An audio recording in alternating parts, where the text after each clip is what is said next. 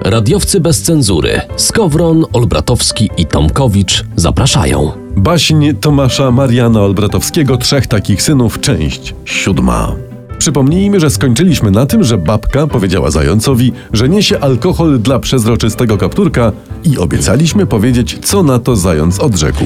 Otóż pikanterii bajce nadaje fakt, że zając nic nie powiedział, tylko odwrócił się na zajęczej wardze, bo zające mają zajęcze wargi, i pokicał. No bo pewnie pokicał do przezroczystego kapturka wyciąć jakiś numer typu coś tam, czy, czy coś innego. A skąd ty wiesz? Ten zając to jakiś twój krewny? Nie, ale ta bajka coś mi przypomina.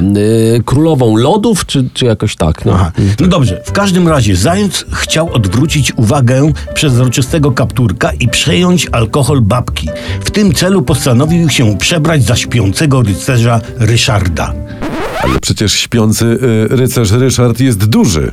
Jak się za niego zając taki mały ma się przebrać za Po, niego? poza tym, jak śpiący rycerz idzie na przykład gdzieś, Albo w inne miejsce. to on już nie jest śpiący rycerz, tylko jest obudzony rycerz, więc jak? Dlatego zającu się nie udało.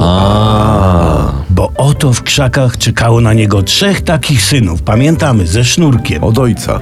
Oni związali zająca, pozbawili go wszelkich śladów życia i upiekli. No bo to byli trzej tacy synowie. Niech zgadnę tutaj. E, Tak, masz rację.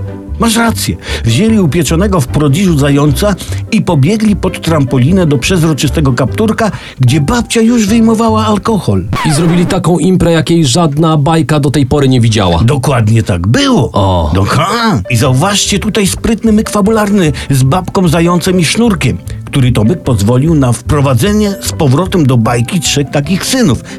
Po prostu dumny jestem.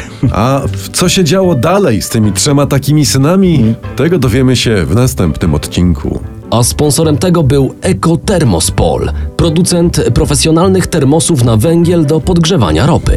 Zatankuj, podpal i miej ciepłą ciecz.